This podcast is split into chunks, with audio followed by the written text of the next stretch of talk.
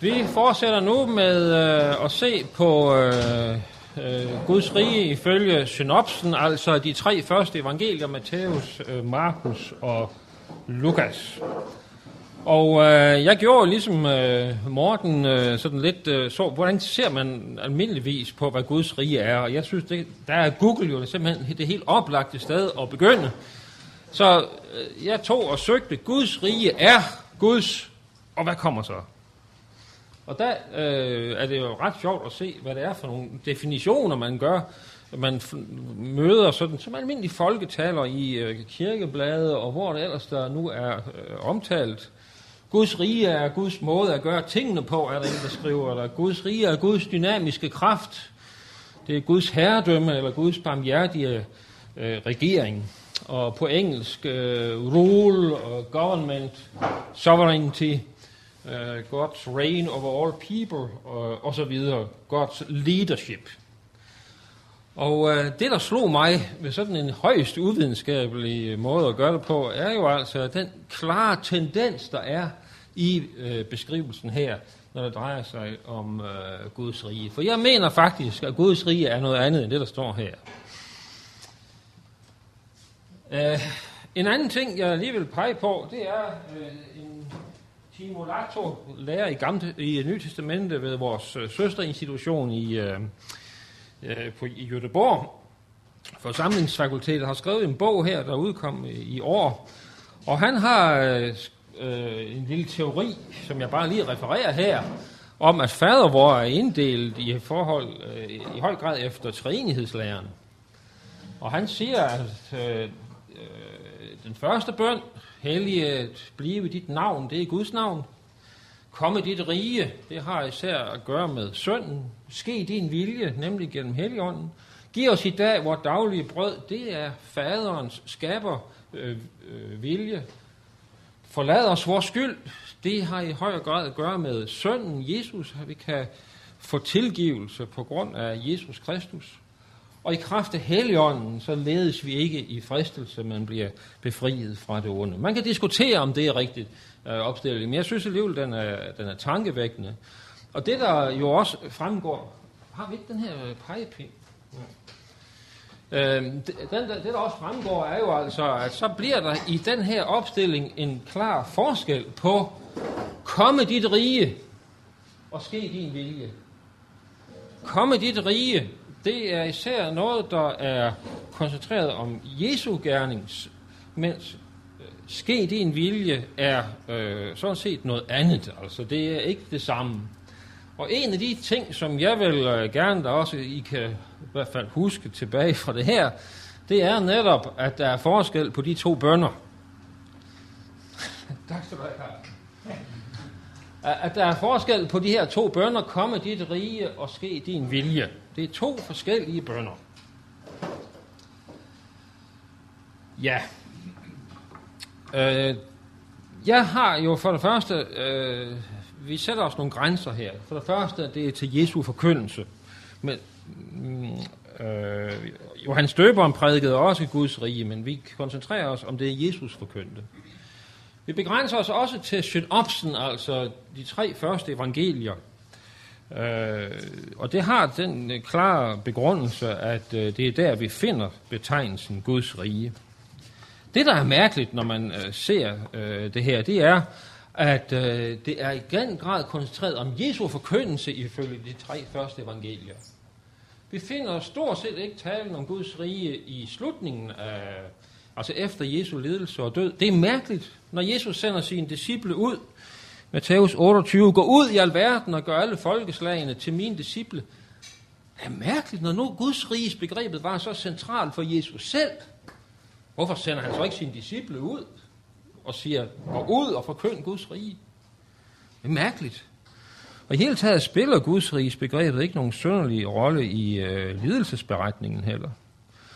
Og øh, går vi til Paulus, ja, så finder vi Guds riges begrebet, men ikke som øh, det centrale begreb. Øh, og det er højst mærkeligt, at vi har altså en term, en udtryk, som har været brugt så meget af Jesus, og så bliver det ikke brugt mere, øh, end det gør i, øh, i eftertiden. i den første generation efter Nytestamentet, de apostolske fædre, der bruges det også, men der er det mere sådan, sådan formelt, ikke arve Guds rige, altså sådan nogle faste udtryk. Men mit fornemmelse er i hvert fald, at det ikke heller i den periode bliver sådan set en integreret del af, af, af tænkningen. Og det synes jeg er mærkeligt. Men det er også et udtryk for, at de her gudsrigsbegreber, de er virkelig ægte Jesus-ord, ikke også? Fordi, jeg mener, der var folk, der har sagt, at man bare fandt på og de her ord og lærte dem i munden på Jesus. Det kan jo simpelthen ikke være tilfældet. Fordi det var ikke et almindeligt udtryk i den ældste kirke. Og derfor kan vi jo også med god grund sige, at her er det virkelig øh, ægte øh, Jesus-ord, vi har med at gøre. Ordet basileia, som så er det parallelle græske, findes 121 gange i øh, de tre første evangelier. Kun fem gange i Johannes evangeliet. Og der er kun i tre vers, altså det med Jesus samtale med Nikodemus, øh, blev, øh, hvor der tales om, øh, øh, om genfødelse. Så det er øh, klart koncentreret om de tre første evangelier. Det interessante er også, hvis man tager sådan en, øh, en oversigt her, og ser, hvordan øh, evangelierne er bygget op. Det er sådan en, jeg har 20 stjålet, øh, den her, hvor man ser Markus og Lukas og Matthæus. Øh, det her, det er så alt det, der er fælles for Markus og Lukas og Matthæus. Så næsten alt, hvad der er i Markus, det findes også i Matthæus og Lukas, mens I kan se, der er en stor del af Lukas, som han er alene om, øh, og der er så 20 procent, som Matthæus er alene om. Men min pointe med at bringe det her frem, det er, at Guds riges øh, termen findes altså i Markus, og den findes selvfølgelig i det stof, som Matthæus har fælles med Markus, men den findes også i det stof, som Matthæus er alene om, og den findes i det stof, som Matthæus og Lukas er fælles om. Og det samme kan man sige om, om, øh, om Lukas. Så man kan sige, Guds begrebet er ikke sådan en, der er sådan er kommet ind fra, fra, øh, fra, fra sidebanen på en eller anden måde, men det har været en integreret del af hele øh, evangelietraditionen. Og, øh, så den findes så at sige i alle dele af kildematerialet, fortællestoffet, talestoffet øh, osv. Der er en lille forskel mellem øh, evangelierne her, fordi Matthæus siger himmeriget, og Markus og Lukas siger Guds rige. Øh, jeg tror, vi vil øh, lade være at gå meget ind på, hvad har Jesus sådan rent faktisk sagt. Sagde Jesus Guds rige, eller sagde han himmeriget? Jeg lader det ligge, men der er, bare så, der er lige en lille terminologisk forskel her. Det nuanceres dog, fordi begrebet Guds rige forekommer altså også i øh, Matthæus, men generelt set, så bruger han formuleringen øh, himmeriget. Ja. Jeg vil tage de her øh, fire emner frem nu her. Vi skal se på Jesu programerklæringer ifølge Matthæus. Vi skal se på, hvordan forkyndelsen af Guds rige øh, er nøje forbundet med begrebet evangelium ifølge Matthæus ja, og de andre. Så skal vi øh, sætte fokus på begrebet Guds rige og Guds kongeherredømme, og så Guds rige og Jesu person. Hvordan er Guds riges forkyndelsen forbundet med med, øh, med Jesu øh, person.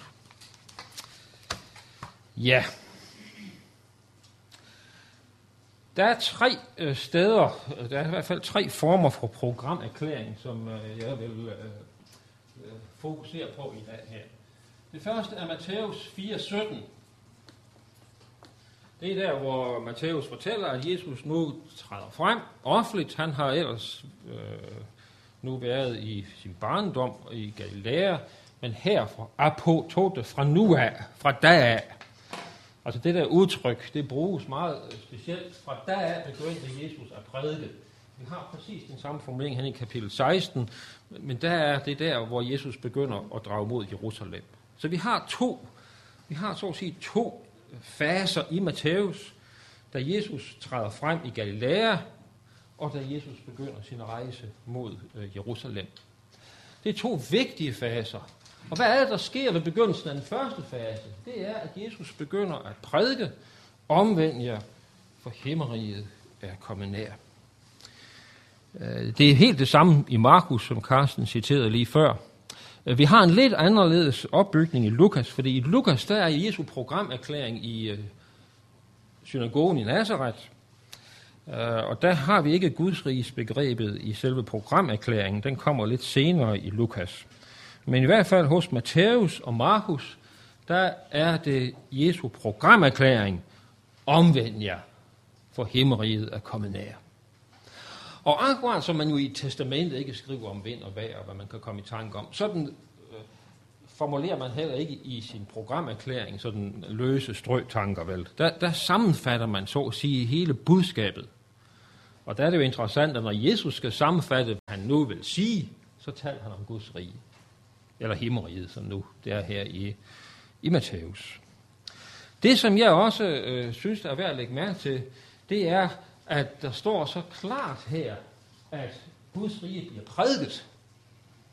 I den græske tekst, kerysein, i den øh, danske er prædike. Altså, der lægges vægt på, at Guds rige er noget, der bliver prædiket. Øh, det er faktisk noget, det kan man give til at søge, øh, og så prøve at se, hvor lang gang har man ordet Guds rige, og så prædike, og det findes faktisk rigtig mange steder øh, forbundet med hinanden. Øh, også Markus øh, taler om, at øh, Jesus prædikede Guds evangelium, nemlig himmeriget er kommet nær.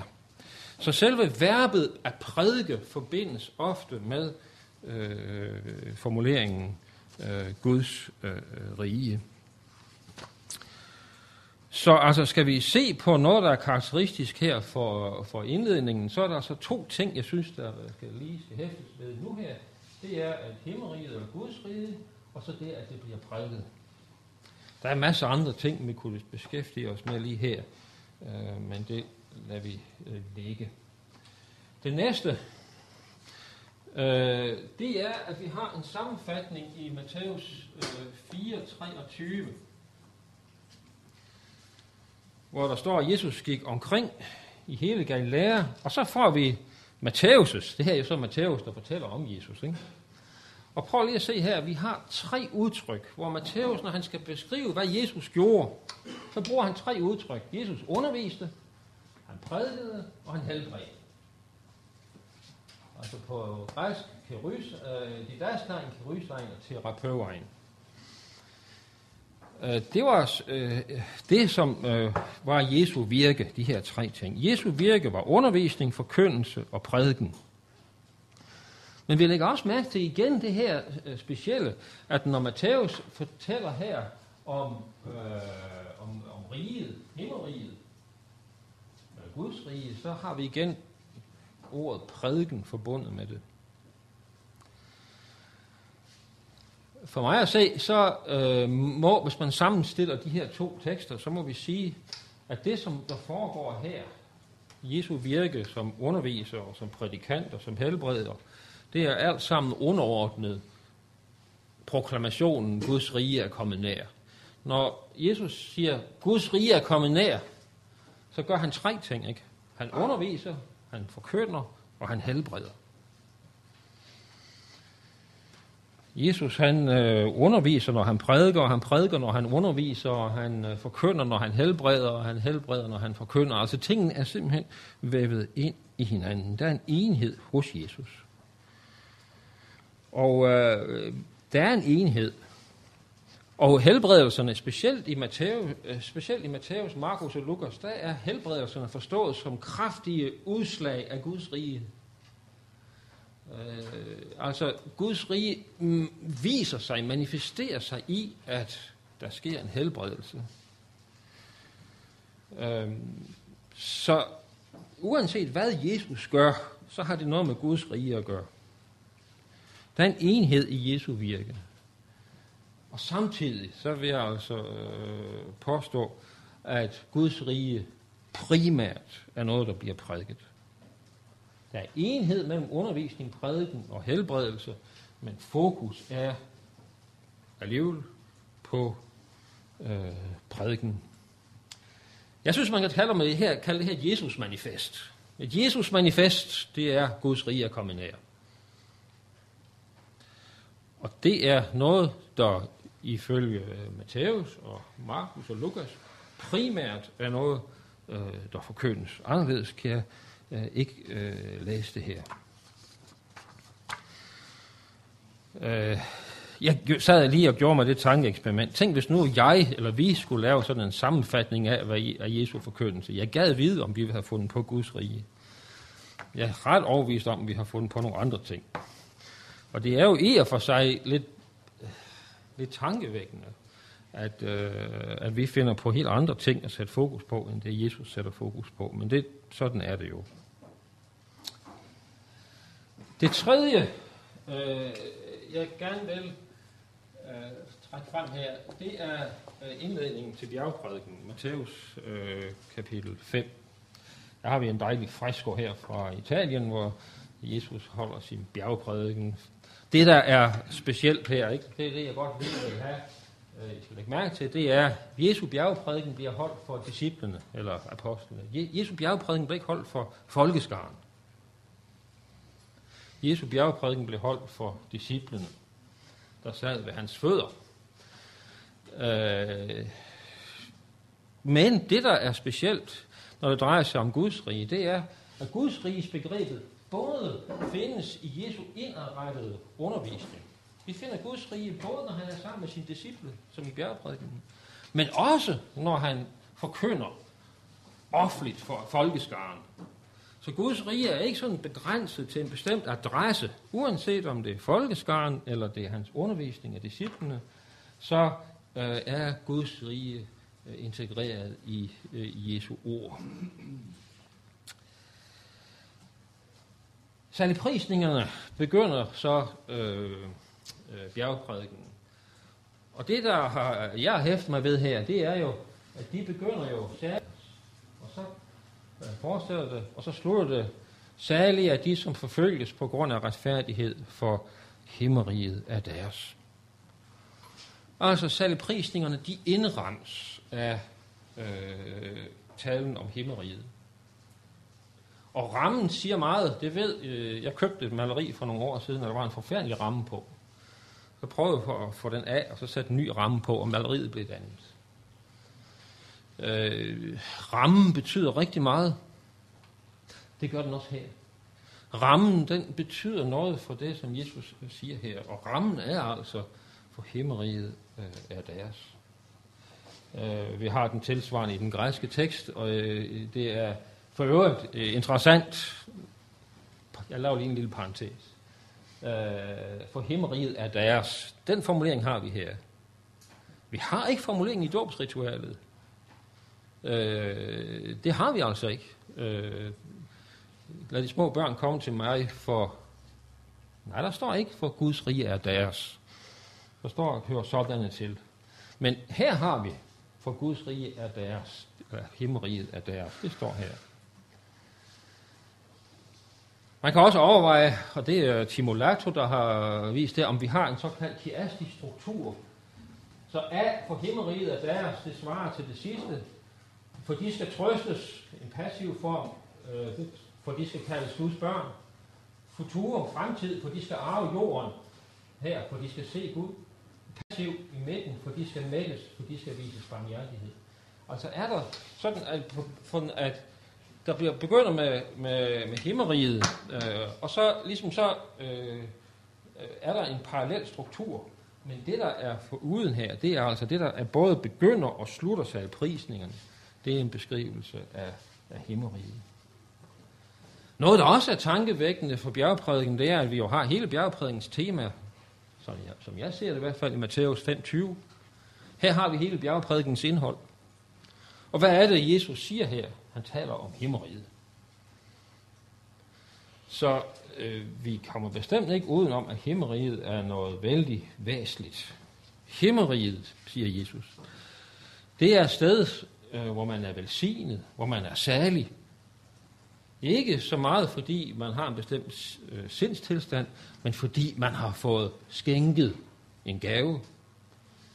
Det er et folk, der får det ikke så meget drejer sig om, hvad de tænker om sig selv, og hvad de tænker om Gud, men det vigtige er, hvad Gud tænker om dem. De er nemlig særlige, ikke fordi de er fattige i ånden, men fordi himmeriget er deres. De er ikke særlige, fordi de forfølges, men fordi himmeriget er deres. Altså, vi har en bestemt formulering hele vejen igennem. De er særlige ikke fordi de sørger, men fordi de skal trøstes. Og det der begrundelsen for deres særlighed, det er hele vejen igennem frelsestilsavnet. Himmeriget er deres. De skal trøstes. De skal arve jorden. Det er det, der gør, de er særlige. Og det er dem, der er befolkningen i det rige, som Jesus taler om. Jeg personligt tror, at der er en nøje sammenhæng mellem bjergprædiken og så de ti bud. Og de begynder jo med de her ord, jeg er Herren din Gud, som førte dig ud af Ægypten af trællehuset. Du må ikke have andre guder end mig. På samme måde begynder bjergprædiken. Det vil sige, bjergprædiken om de ti bud begynder på samme måde med denne tilsigelse af, hvem I er. I er særlige. I er ført ud af trællehuset. Og det betyder, at de her ord om Guds rige, det hører hjemme i en sammenhæng, hvor de får tilsagt frelsen. Og derfor tror jeg, at det her lidt af det, vi har et slags exodus-motiv her. At det gamle testamentlige folk er befriet fra Ægypten på vej imod det forjættede land. Og sådan er disciplene ifølge bjergeprædiken nu befriet og på vej imod, ja, på, mod Guds rige. Og faktisk så har vi øh, en interessant ting, der står her, øh, de skal arve landet. De skal arve landet. Mange gange så, øh, så bruges selv begrebet at arve om Guds rige, især hos Paulus. Den, der gør sådan og sådan, skal ikke arve Guds rige.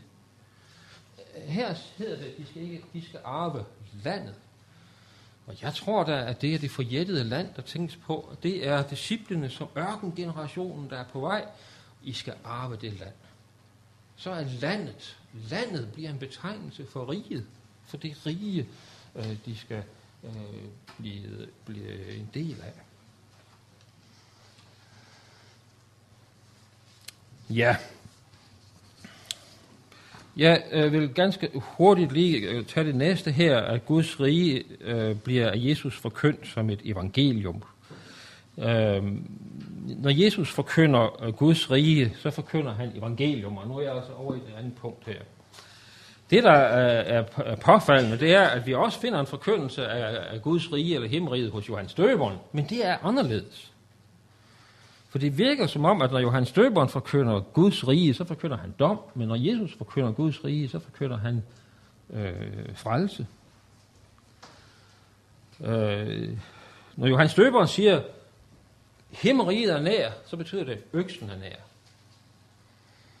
Når Jesus forkynder Guds rige, så, så bliver øh, syge helbredt, så forkyndes øh, evangeliet. Jeg skal sige, at det kan også forstås anderledes, det med Johannes Døberen, øh, som en øh, opfyldelse af ordene fra Isaias 40. Øh, men alligevel synes jeg, der er en, en klar øh, øh forskel her. At forkyndelsen af Guds rige, det kan være en forkyndelse af lov, og det kan være en forkyndelse af, af, af evangelium. Men det påfaldende er, at rollerne er så at sige fordelt her. Sådan at øh, det er Johannes Døber, der forkynder dom, når han forkynder Guds rige, og Jesus forkynder evangelium, når han forkynder øh, Guds øh, rige. Og det betyder også, at kald til omvendelse får en, en lidt anden motivation. Altså når Johannes Døber forkynder omvendelse, så gør han det med den motivation, at dommen er nær. Når Jesus forkynder omvendelse, så gør han det med den motivation, at, at frelsen er nær. At, øh, at øh, frelses, øh, at Guds rige er, til, er nær som en frelsende virkelighed.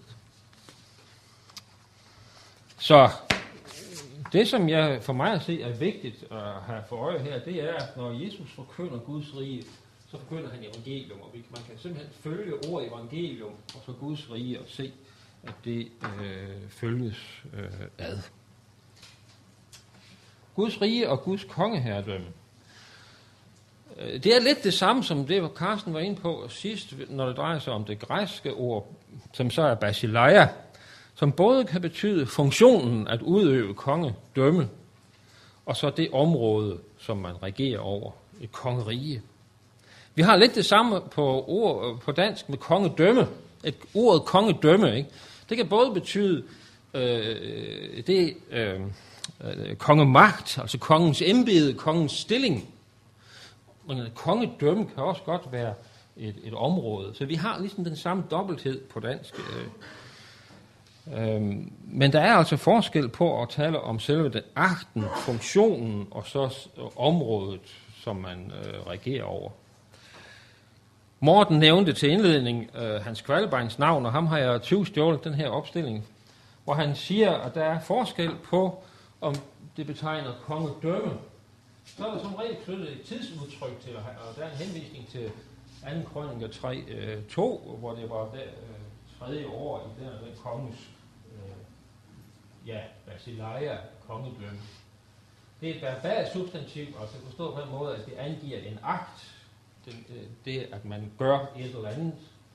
Det er Gud, som er herre, og Gud er konge, og man, ofte så bruger man ordene øh, dynamisk om det her. Mens hvis det er kongerige, så er der som regel et lokalt udtryk til, altså et sted, noget man er inde i, eller udenfor, eller man går ud af, eller man går ind i.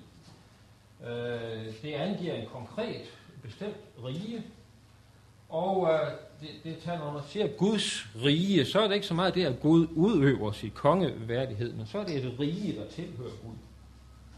Og så bruger man ordet statisk eller konkret. Jeg synes, det er nogle dumme udtryk at sige statisk, men nogle gange så må man bare finde sig i de udtryk, der nu har vundet hævd.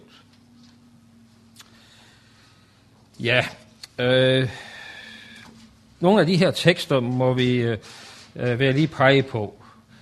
Fordi det, at det tales om Guds konge herre dømme som en akt, det er entydigt klart, at det findes i Nyt Testamentet.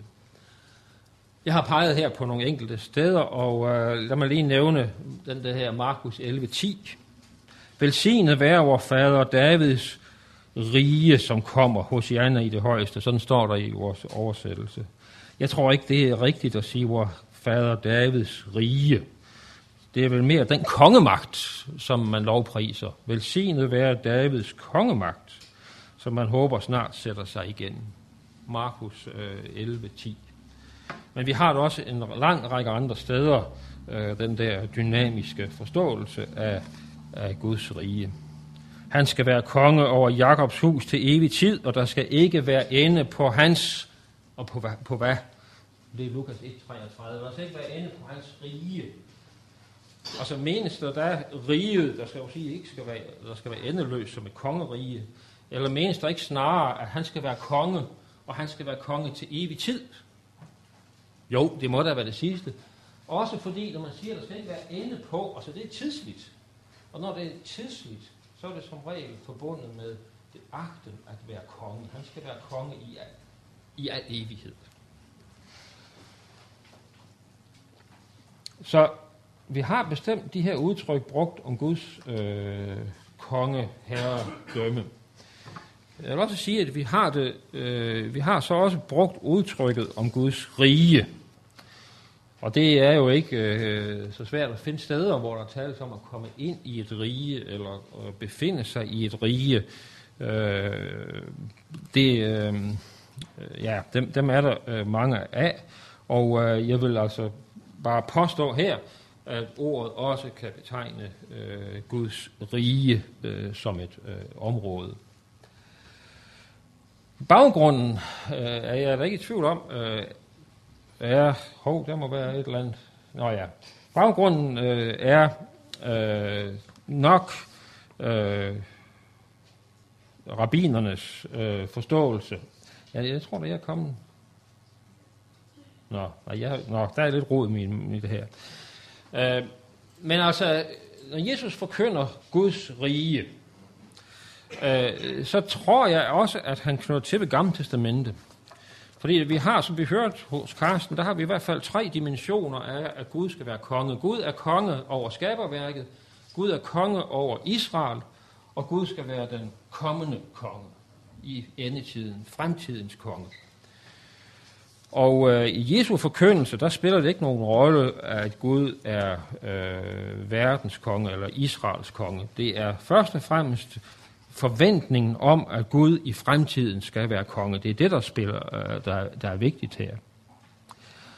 Og når Jesus så derfor forkynder Guds rige, så øh, mener jeg, så knytter Jesus til ved forventningen om, at Gud skal blive konge. Og det øh, var også noget, øh, en terminologi, rabinerne, de talte om øh, denne verden og den kommende verden, og der var en klar forventning om den kommende verden. Og jeg tror da også, at når Jesus har forkyndt Guds rige, så har han tænkt på øh, de skriftkloges øh, overvejelser om den kommende verden. Og så siger Jesus, nu er den kommende verden en realitet. Og ved I hvad, kære mennesker? Den er realitet som et godt budskab. Det var altså ikke uden videre givet, at den kommende verden var et godt budskab i en rabbinsk kontekst. Men Jesu pointe er jo, at det er netop et godt budskab, der forkyndes, når Guds rige øh, proklameres. Så når Jesus forkynder Guds rige, så mener jeg, så er det den endegyldige frelsestilstand, øh, som øh, det tales om. Det er ikke så meget talen om Gud som verdens konge eller Israels konge. Det er ikke det, der er øh, baggrunden. Det er forventningen om et rige, der skal komme. Og det betegner frelsen. Øhm, Matthæus 19, vers øh, 23, øh, der siger øh, Jesus, det er svært for en rig at komme ind i himmeriget. Og hvordan reagerer disciplene? Hvem kan så blive frelst? Interessant, ikke? Hvem kan så blive frelst? Altså, øh, for, for disciplene, der er det en helt naturlig sammenhæng mellem at komme ind i Guds rige og så blive frelst. Så spørgsmålet om Guds rige, det er for Jesus, det er for disciplene et spørgsmål om, om frelse. Et andet udtryk, der bruges, det er livet. Øhm, Markus 9, 47, øh, øh, der hedder det, at øh, hvis din hånd bringer dig til fald, så hug den af, for det, du er bedre tjent med at gå lemlæstet ind til livet, end med begge hænder i behold og komme i helvede. Og så fortsætter Jesus, og hvis dit øje bringer dig til fald, så river det ud, for du er bedre tjent med at gå ind i Guds rige med et øje og så videre. Altså, for, for Jesus er der en helt nøje forbindelse mellem at gå ind til livet og ind til Guds rige. Det er en interessant ting. Fordi i øh, Johannes evangeliet, der tales jo om Guds, der tales om, om livet igen og igen og igen. Jeg har ikke talt på det, men det findes, der tales om livet igen og igen. Og vi kan jo se, at der her i den her tekst i Markus, der er der så at sige en broforbindelse mellem forkyndelsen af Guds rige, Matthæus, Markus og Lukas, og så øh, talen om livet i, øh, i Johannes evangeliet. Ja, 45. 45 og, ja. Ja, okay. 9, 47, det er Guds rige. Ja. Ja, godt. Så kommer vi tilbage til fadervor. Fordi øh, for mig at se, så er Guds rige altså det sted, hvor tilgivelsen er til stede. Øh, helbredelse, en helbredelse, den er et udtryk for Guds rige, hvis den finder sted inden for denne frelsens øh, ramme. Men det betyder også, at ikke enhver helbredelse er udtryk for Guds, øh, Guds rige. Der er forskel på Guds gode vilje, som er, at mennesker skal have det godt. Og så øh, Guds rige, som er evangelium, øh, som er det at komme ind til frelsen, ind til livet. Og derfor er der for mig at se, tale om to forskellige bønder, når vi siger, kom med dit rige, så beder vi om, at Guds rige, det som han har, Jesus har proklameret i, øh, fra starten, vi beder om, at dette frelsens rige må komme. Og når vi så siger, at ske det en vilje, så beder vi om, at Guds gode vilje måske overalt i skaberværket. Og der må være retfærdighed. Øh, og for mig at se, så skal vi sondre skarpt her. Og, det, øh, og jeg synes ikke, at den so, øh, sondring kommer tilstrækkeligt klart frem, hvis man forstår Guds rige, sådan som jeg indledte med den her Google-søgning. Ikke? Hvis, hvis, hvis Guds øh, rige bliver udtryk for Guds herredømme, eller Guds magtudøvelse, eller så videre, øh, så synes jeg ikke, at man får tilstrækkeligt klart sondret mellem de her ting, sådan som der øh, for mig at se bliver sondret i vores øh, Bibel. Guds vilje skete jo også før Jesus trådte frem. Men det, der skete med Jesu fremtræden, det var, at nu var det forjættede frelsesrige øh, kommet nær. Altså, der er en enhed mellem dynamik og noget statisk her. Guds rige er frelsens område, og inden for det frelsens område, der er Guds rige i aktion, der sker der noget. Der, Gud er ikke stillestående, og så er Guds rige heller ikke stillestående. Øh, det er vigtigt at se begge de aspekter af Jesu forkyndelse af Guds rige. Og det vil jeg så mene, at vi skal holde adskilt fra forståelsen af, af, af Guds øh, vilje. Øh, Guds vilje sker overalt, og Guds rige er til stede, hvor evangeliet bliver forkyndt til omvendelse og tro. Et menneske kan være inden for eller uden for Guds rige, men et menneske kan ikke være inden for eller uden for Guds vilje, sådan set. Et menneske kan vælge sig fri af Gud, ikke vælge sig fri af Guds vilje, men et menneske kan vælge sig fri af Guds øh, øh, rige. Ja, det var så øh, det her. Det sidste punkt er så om Guds øh, rige og Jesu øh, person. Der er jo to linjer, tydelige linjer i vores, øh, i vores Bibel. Nemlig på den ene side, at Jesus fremtræder som den messianske forløser, menneskesønnen, der er kommet for at bringe frelse. Og så er han den, der forkynder Guds rige. Men hvilken sammenhæng er der imellem de to? Er der en sammenhæng? Ja, det mener jeg, der er. Jeg mener, man kan ligefrem sige, at der er tale om en kristologisk bestemmelse af Guds rige, altså at, at øh, hvis Jesus ikke havde haft en messiansk selvbevidsthed, altså hvis ikke han havde vidst, at han var messias, så kunne man jo sammenligne ham med en profet eller en lærer, der råber, at Guds rige er kommet nær. Men nu er Jesus jo selv messias, og så er proklamationen af, at Guds rige er kommet nær, forbundet med hans egen person. Der er nogle tekster, som jeg synes er interessante. For eksempel øh, med de små børn. Der, Lad de små børn kommer til mig, det må ikke hindre dem, i, øh, hindre dem i, for Guds rige er deres, som der nu står, ja, for Guds rige hører sådan til.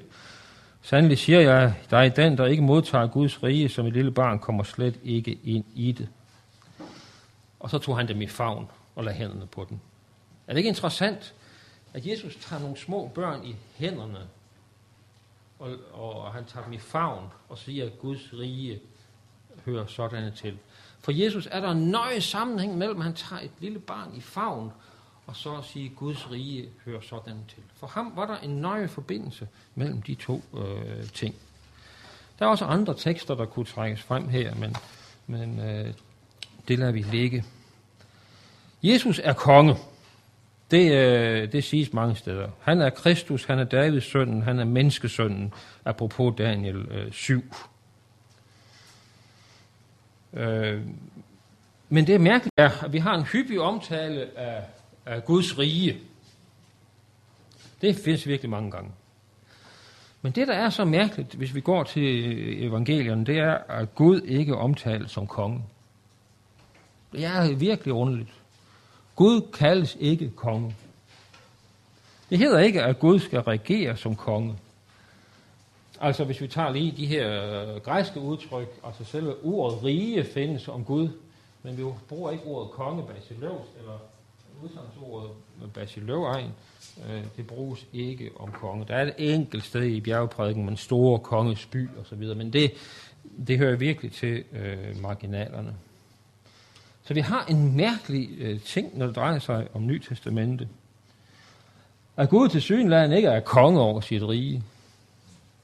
Og Jesus til synland ikke er konge over sit rige. Altså, der tales ikke om Jesu rige, men om Guds rige. En påfaldende ting. Og jeg kan jo ikke se det på anden måde, end at øh, løsningen på det der, det er jo altså, at Jesus er Davids søn, han er Messias, han er kongen men han er ikke konge over sit eget rige.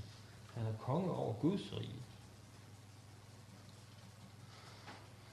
Og det interessante er jo, at den tankegang har vi nøjagtigt i 1. Korintherbrev kapitel 15. Øh, der hedder det, øh, Herren sagde til min herre, altså det er salm 110, Sæt dig ved min højre hånd, indtil jeg får lagt dine fjender som en skammel for dine fødder. Og det udlægger Paulus så på den måde, at øh, alt er underlagt Kristus af synden. Og så siger han, 28, og når alt så er underlagt ham, skal også sønnen selv underlægge sig under ham, ham som har lagt alt under ham, for at Gud kan være alt i alle. Så det, som Paulus siger der i udlægningen af salm 110, det er, Herren sagde til min herre, sæt dig på min højre hånd. Gud indsatte, så at sige, sin søn som konge. Så det, der sker altså, når Jesus proklamerer Guds rige, det er, at han indsætter sin søn som konge i sit rige. Sønnen er ikke konge over sit eget rige, men over Guds rige. Og en dag, der skal sønnen så selv underlægge sig i Gud, så Gud kan være alt i alle. Her er en øh, skildring af kongen her, en græsk, en græker, der har skildret Jesus som kongen, ham der skal være kongen, og det, ja, vi må lade det ligge. Afslutning. Vi har nogle vigtige udsagn om Guds rige i, øh, i øh, evangelierne. Og for mig at se, så er vægten i Guds rige ordene lagt på, på evangelium, på frelse, og på Guds, øh, ja, på, øh, altså på, øh, øh, på det dynamiske, at Gud, øh, Gud vil, skænker frelsen til sit folk. Og så alligevel, så er vægten for mig at se lagt på først og fremmest, at Guds rige er et område, hvor, Guds, hvor frelsen er til stede. Det er der vægten er lagt. Inden for det område, der er Guds dynamiske kraft så til stede. Og der virker Gud så med sin dynamiske kraft. Den frelse, som er til stede, og igen har jeg 20 stjålet fra Hans Kvalbein, øh, den frelse, der er til stede her, den bestemmes både som frelsens tid og frelsens gave og frelsens sted. Guds rige er frelsens sted. Og derfor, øh, da jeg skulle formulere på min lille, sæd, lille sædel her til indledning, hvad er Guds rige, øh, så, øh, så formulerer jeg det på den måde, Guds rige er frelsens sted. Ja. Øh, Talk for oppmerksomheten.